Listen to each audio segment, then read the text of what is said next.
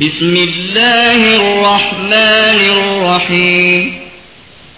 إنا فتحنا لك فتحا مبينا ليغفر لك الله ما تقدم من ذنبك وما تأخر ويتم نعمته عليك.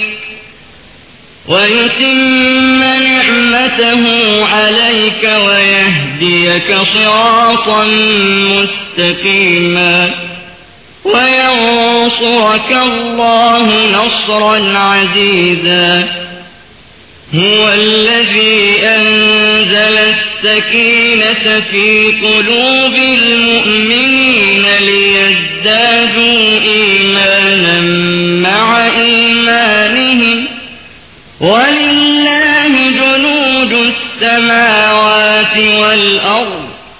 وكان الله عليما حكيما.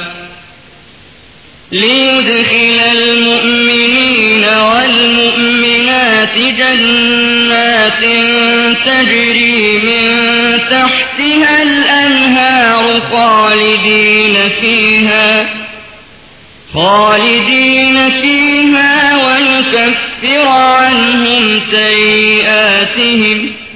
وكان ذلك عند الله فوزا عظيما. ويعذب المنافقين والمنافقات والمشركين والمشركات الظانين بالله ظن السوء عليهم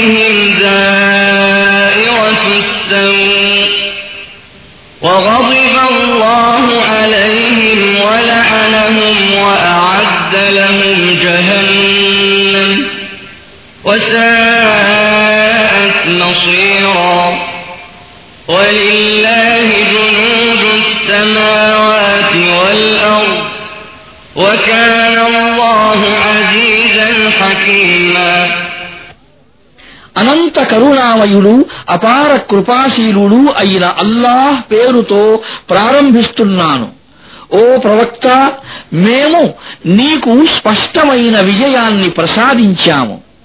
అల్లాహ్ నీ పూర్వపు పొరపాట్లను భావికాలపు పొరపాట్లను మన్నించాలని నీపై తన అనుగ్రహాన్ని పూర్తి చేయాలని నీకు రుజుమార్గాన్ని చూపాలని నీకు గొప్ప సహాయం చేయాలని. ఆయనే విశ్వాసుల హృదయాలపై శాంతి సంతృప్తులను అవతరింపజేశాడు. తమ విశ్వాసానికి వారు అదనంగా మరొక విశ్వాసాన్ని కలుపుకోవాలని. భూమిలోని ఆకాశాలలోని సైన్యాలన్నీ అల్లా అధీనంలోనే ఉన్నాయి. ఆయన జ్ఞాని మరియు వివేకి. ఆయన ఇలా ఎందుకు చేశాడంటే విశ్వాసులైన పురుషులు స్త్రీలు శాశ్వతంగా ఉండేటందుకు ఆయన వారిని క్రింద కాలువలు ప్రవహించే వనాలలో ప్రవేశింపజేయాలని వారి పాపాలను వారి నుండి దూరం చేయాలని.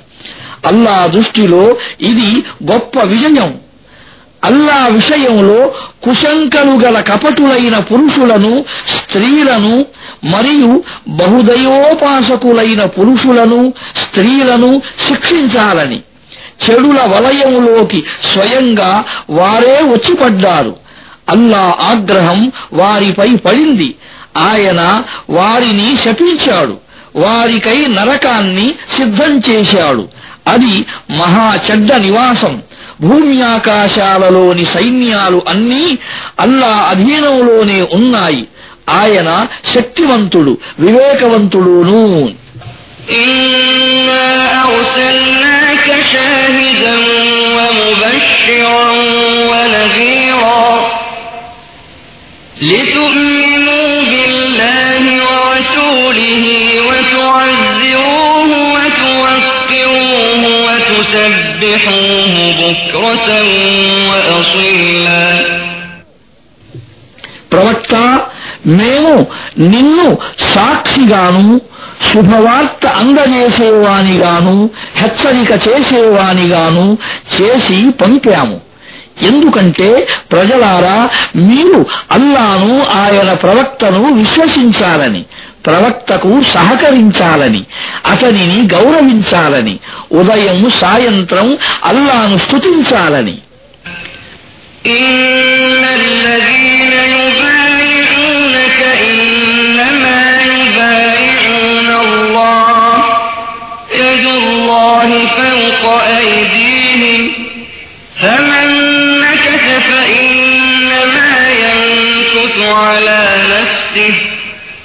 ومن أوفى بما عاهد عليه الله فسيؤتيه أجرا عظيما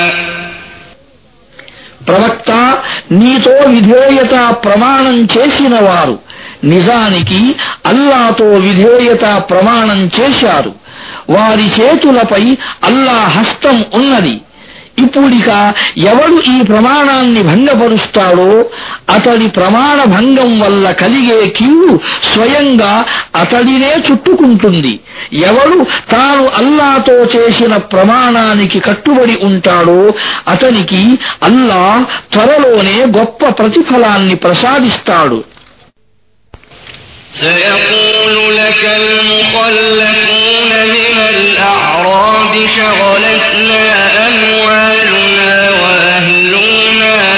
فاستغفر لنا. يقولون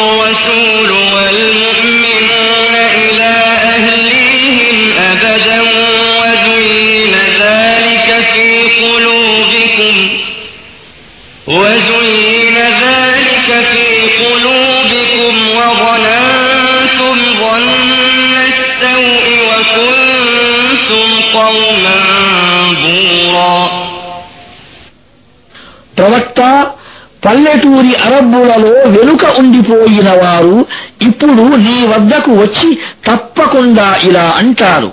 మా ఆస్తిపాస్తులు మా ఆలుబిడ్డలను గురించిన చింతన మాకు తీరిక లేకుండా చేశాయి. మీరు మాకై క్షమాభిక్ష ప్రార్థన చేయండి. వారు తమ మనస్సులలో లేని విషయాలను తమ నోటితో అంటారు. వారితో ఇలా అను. మంచిది. అలాగైతే అల్లా మీకు ఏదైనా నష్టాన్ని కలుగజేయదలిస్తే లేదా ఏదైనా లాభాన్ని చేకూర్చదలిస్తే అల్లా యొక్క ఈ నిర్ణయాన్ని అడ్డుకునే అధికారం ఎవరికైనా కాస్తైనా ఉందా? మీ కర్మలను గురించి అల్లాకే బాగా తెలుసును. కాని అసలు విషయం మీరు చెప్పేది కాదు. కాని ప్రవక్త మరియు విశ్వాసులు తమ ఇంటి వారి వద్దకు తిరిగి రానే రావు అని మీరు భావించారు ఈ ఆలోచన మీ మనస్సులకు బాగా నచ్చింది మీరు చాలా చెడ్డగా అనుమానించారు మీరు చాలా చెడ్డ ఆంతర్యం కలవారు ومن لم يؤمن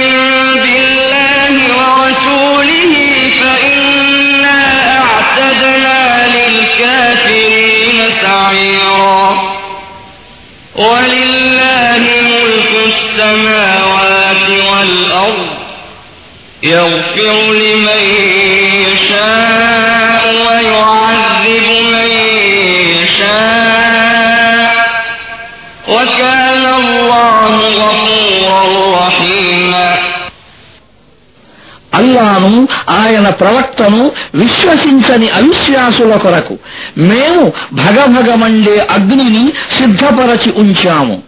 భూమ్యాకాశాల సామ్రాజ్యాధిపత్యానికి యజమాని అల్లాయే. ఆయన తాను కోరిన వారిని క్షమిస్తాడు. తాను కోరిన వారిని శిక్షిస్తాడు. ఆయన క్షమించేవాడు కరుణించేవాడును. سيقول المخلفون إذا انطلقتم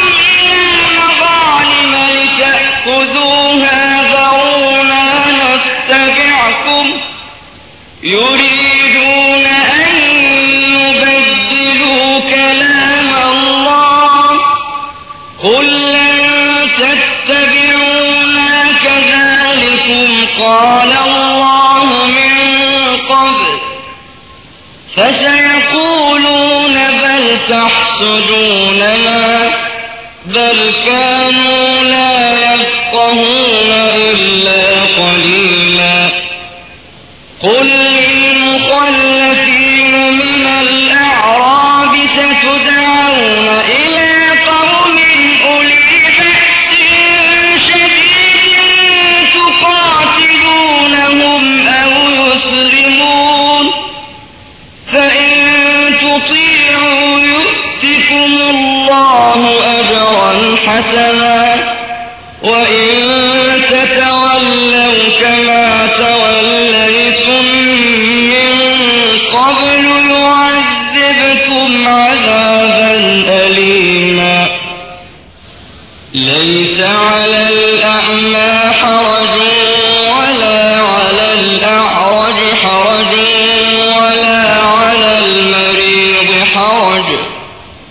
ومن يطع الله ورسوله يدخله جنات تجري من تحتها الأنهار ومن يتول يعذبه عذابا أليما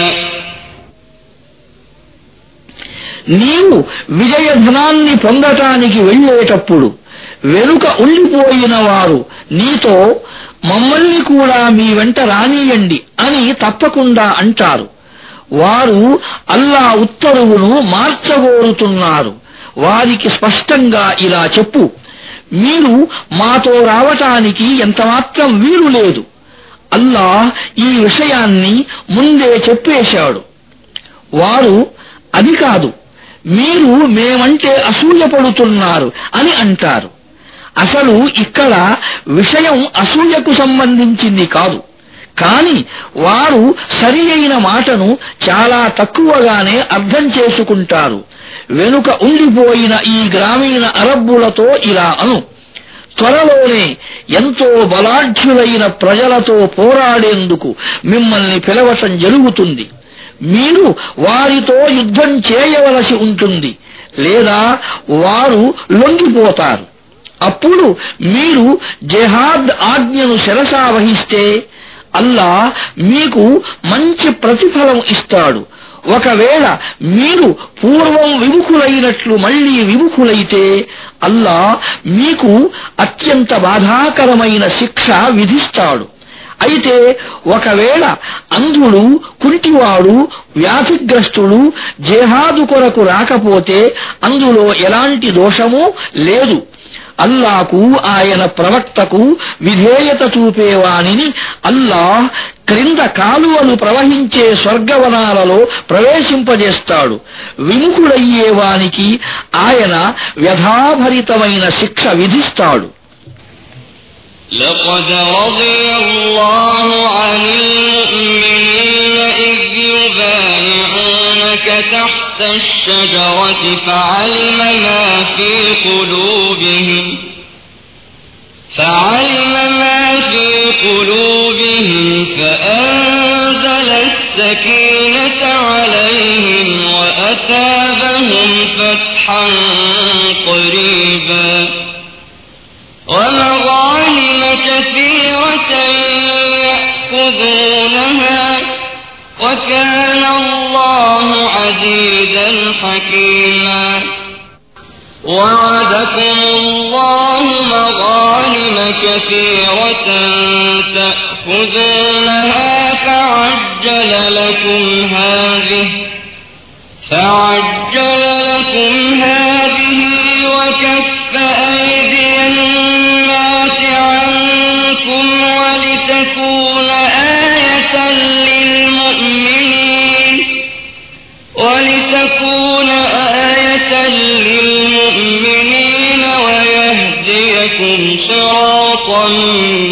مستقيما وأخرى لم تقدروا عليها قد أحاط الله بها وكان الله على كل شيء قديرا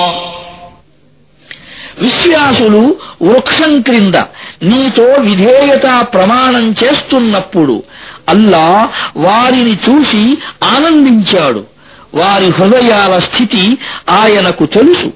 కనుక ఆయన వారిపై శాంతి సంతృప్తులను అవతరింపజేశాడు. వారికి బహుమానంగా సమీపములోని విజయాన్ని ప్రసాదించాడు. అపార విజయధనాన్ని వారికి అనుగ్రహించాడు. దానిని వారు త్వరలోనే పొందుతారు. అల్లాహ్ అత్యంత శక్తివంతుడు మహావివేకవంతుడును. అల్లా మీకు అమితమైన విజయధనాలను వాగ్దానం చేస్తున్నాడు. వాటిని మీరు పొందుతారు. వెంటనే ఆయన మీకు ఈ విజయాన్ని ప్రసాదించాడు. ప్రజల చేతులు మీపైకి లేవకుండా నిరోధించాడు. ఇది విశ్వాసుల కొరకు ఒక సూచన కావాలని అల్లా మిమ్మల్ని రుజుమార్గం వైపునకు నడపాలని ఇదే కాకుండా ఇతర విజయధనాలను గురించి కూడా ఆయన మీకు వాగ్దానం చేస్తున్నాడు వాటిపై మీరు ఇంకా అదుపు సాధించలేదు అల్లాహ్ వాటిని చుట్టుముట్టి ఉన్నాడు అల్లాకు ప్రతిదానిపై అధికారం ఉన్నది ولو قاتلكم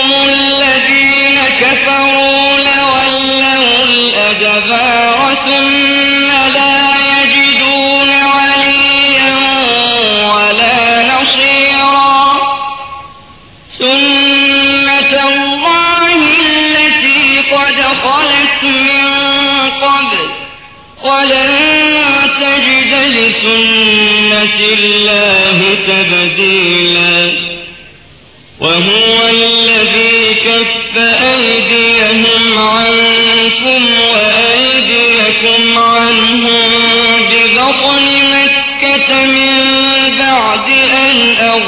أغفركم عليهم. وكان الله بما تعملون بصيرا.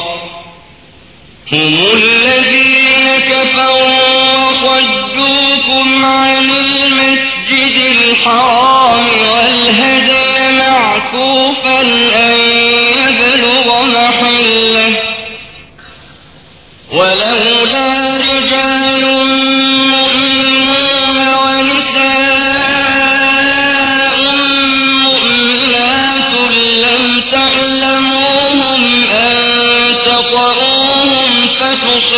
فتصيبكم فتصيبكم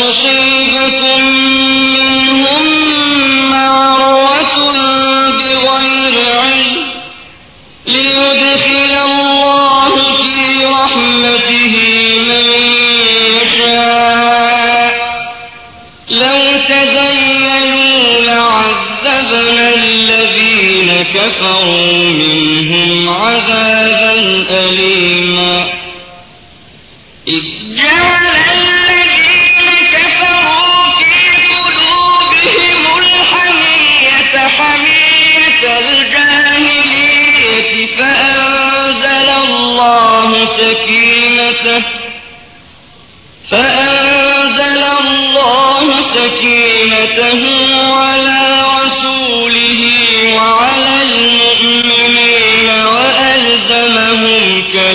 التقوى.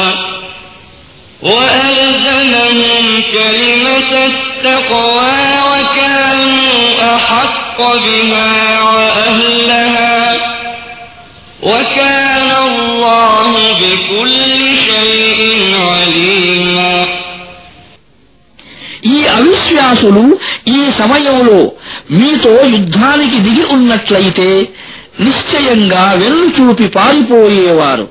ఇక ఏ సహాయకుణ్ణి ఏ రక్షకుణ్ణి పొంది ఉండేవారు కాదు. ఇది అల్లా సంప్రదాయం. మొదటి నుండే వస్తూ ఉన్నది. మీరు అల్లా సంప్రదాయంలో ఏ మార్పును చూడలేరు. మక్కా లోయలో వారి చేతులను మీ నుండి మీ చేతులను వారి నుండి ఆపినవాడు ఆయనే.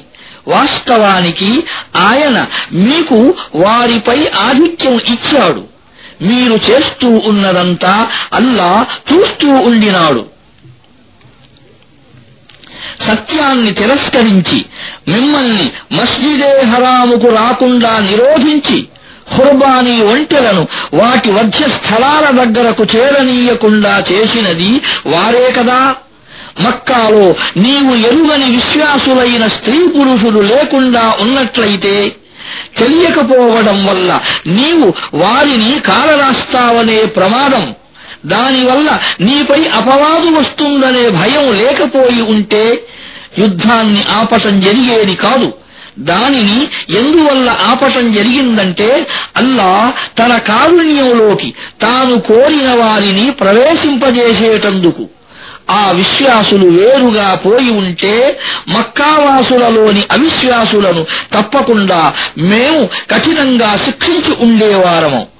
ఈ కారణం వల్లనే ఈ అవిశ్వాసులు తమ హృదయాలలో మూఢాభిమానాన్ని పెంచుకున్నప్పుడు అల్లాహ్ తన ప్రవక్తపై విశ్వాసులపై శాంతి సంతృప్తులను అవతరింపజేశాడు విశ్వాసులను భయభక్తుల మాటపై స్థిరంగా ఉంచాడు వారే దానికి ఎక్కువ హక్కుదారులను అర్హులును అల్లాకు ప్రతి విషయం గురించి తెలుసు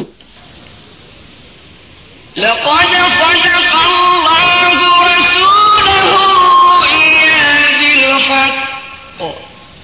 لتدخلن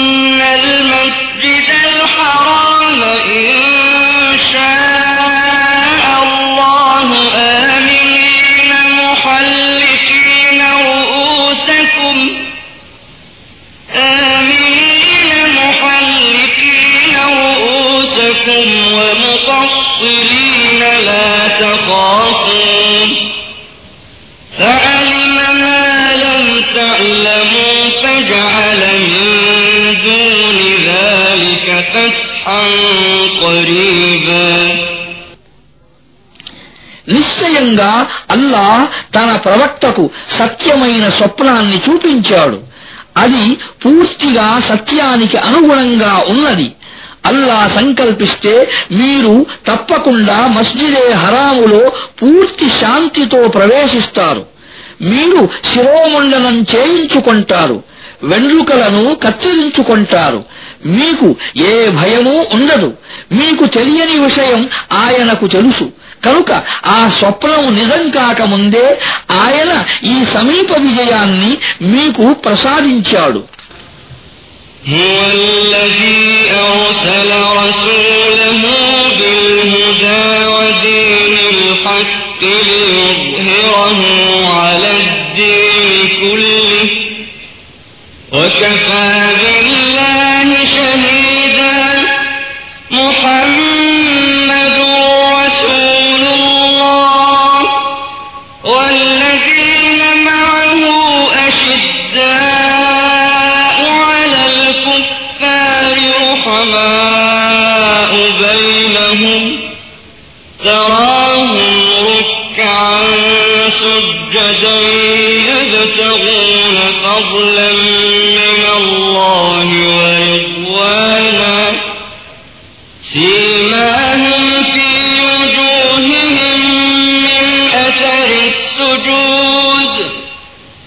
Let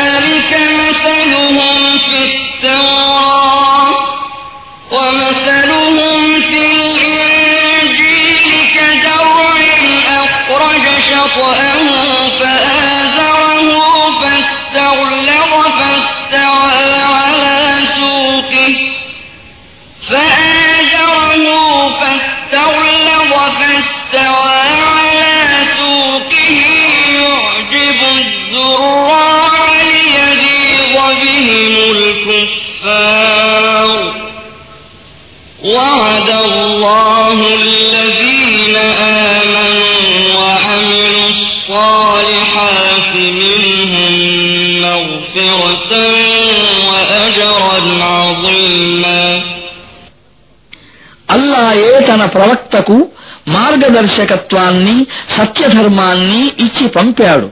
అది అన్ని ధర్మాలపై ఆధిక్యం కలిగి ఉండేలా చేయటానికి.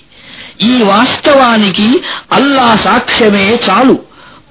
ముహమ్మద్ అల్లా ప్రవక్త. ఆయన వెంట ఉన్నవారు అవిశ్వాసుల పట్ల కఠినులుగానూ ఉంటారు పరస్పరం కరుణామయులుగానూ ఉంటారు. నీవు వారిని చూసినప్పుడు వారు రుకు సజదాలలో అల్లా అనుగ్రహాన్ని ఆయన ప్రసన్నతను అర్థించటంలో నిమగ్నులై ఉండటం కనిపిస్తుంది. సజదాల సూచనలు వారి ముఖాలపై ఉంటాయి. వాటి వల్ల వారు ప్రత్యేకంగా గుర్తించబడతారు. వారి గుణగణాలు తౌరాతులో ఇలా ఉన్నాయి. ఇక ఇంజనీరులో వారు ఒక పంట పొలంతో పోల్చబడ్డారు. ఆ పొలం మొదట్లో మొలకను అంకురింపజేసింది. తరువాత దానికి బలం చేకూర్చింది. ఆ తరువాత అది లావుగా ఏపుగా పెరిగింది. ఆపై తన కాండంపై నిలబడింది. రైతులను అది ఆనందపరుస్తుంది. అవిశ్వాసులు వారి వృద్ధి వికాసాలను చూసి అసూయపడాలని విశ్వసించి సత్కార్యాలు చేసే ఈ వర్గం వారికి క్షమాభిక్షలు గొప్ప ప్రతిఫలాన్ని ప్రసాదిస్తానని అల్లా వాగ్దానం చేశాడు.